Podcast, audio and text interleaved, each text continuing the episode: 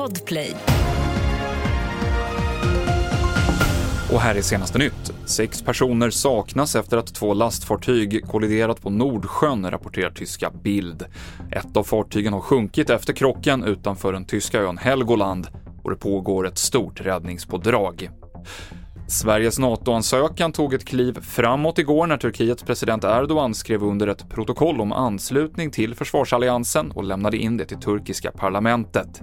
Förutom ett turkiskt godkännande så väntar Sverige på besked från Ungern. Ungern väntar vi fortfarande. Vi vet inte vad som händer. Vi vet att eh, Orban, den ungerske premiärministern, träffade Putin i Kina och där Putin uttryckte sin stora nöjaktighet med Orbán som vågar ta sina egna steg. Men jag tror eh, Ungern är under stor press. De har sagt att när Turkiet går in och skriver under så gör vi det också. Så det är trots allt att vänta inom den närmaste framtiden där också. Så vår utrikeskommentator Rolf Porseryd.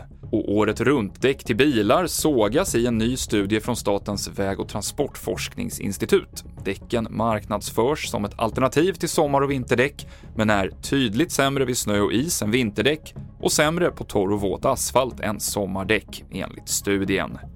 TV4-nyheterna med Mikael Klintevall.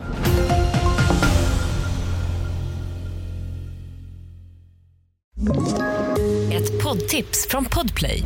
I fallen jag aldrig glömmer djupdyker Hasse Aro i arbetet bakom några av Sveriges mest uppseendeväckande brottsutredningar.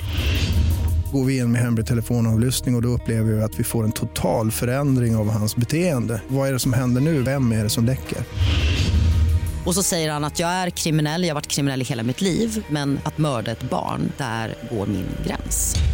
Nya säsongen av Fallen jag aldrig glömmer på Podplay.